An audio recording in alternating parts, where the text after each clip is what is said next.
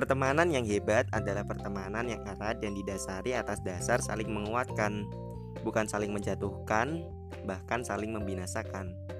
Dan bahkan dari pertemananlah diri kita bisa dinilai oleh orang lain. Dan inilah yang akan kita bahas pada podcast kali ini. Assalamualaikum warahmatullahi wabarakatuh. Semoga teman-teman tetap diberikan kesehatan ya. Amin.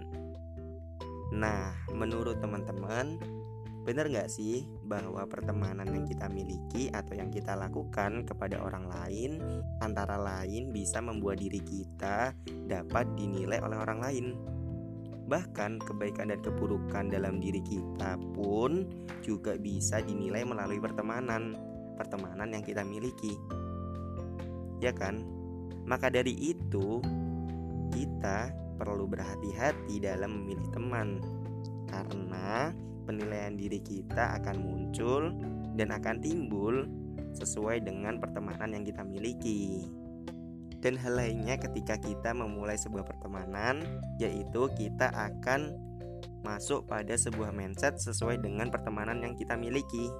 Karena secara tidak langsung mindset kita akan terpengaruh pada tabiat yang dimiliki oleh teman kita. Kalau teman kita buruk, maka kita akan berpotensi terbawa sebuah keburukan. Sedangkan kalau teman kita baik, maka kita akan berpotensi terbawa sebuah kebaikan. Begitu juga dalam berdakwah. Kadang kita ketemu teman sesama pendakwah yang berbagai macam jenis yang akhirnya memberikan karakteristik tersendiri dalam berdakwah. Kadang ada yang dakwahnya cenderung keras dan menyalahkan orang yang tidak sepemikiran dengan dirinya dan juga ada yang kadang dakwahnya lembut dan saking lembutnya dakwah yang dilakukan atau yang dibawakan tak pernah terlihat seperti dalam melakukan sebuah dakwah.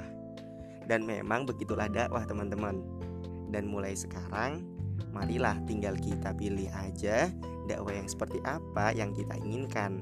Ingat, pilihlah dakwah yang sesuai hati nurani dan tentu sesuai dengan kemampuan diri. Tenang, kita beda cara dakwah, tapi sebenarnya kita sama-sama mengagukan kalimat tauhid kok. Kita hanya berdakwah hanya sesuai dengan koridor yang kita miliki dan sesuai kemampuan yang yang dimiliki oleh pribadi. Dan maka dari itu teman-teman teman-teman perlu memilih dan mulai mengembangkan sesuai dengan apa yang teman-teman yakini dan sesuai dengan hati nurani. Dan kalau sudah menentukan dakwah mana yang akan kita tekuni, Nah, tinggal kita cari teman yang semoga mampu membersamai dan mampu mempengaruhi supaya kita bisa menjadi pribadi yang lebih baik lagi. Maka dari itu teman-teman, tunggu apa lagi? Mari kita tentukan dakwah yang seperti apa yang ingin kita lakukan dan carilah teman supaya kita bisa terpengaruhi dan kita sama-sama belajar dan bisa mengejar apa yang kita impikan.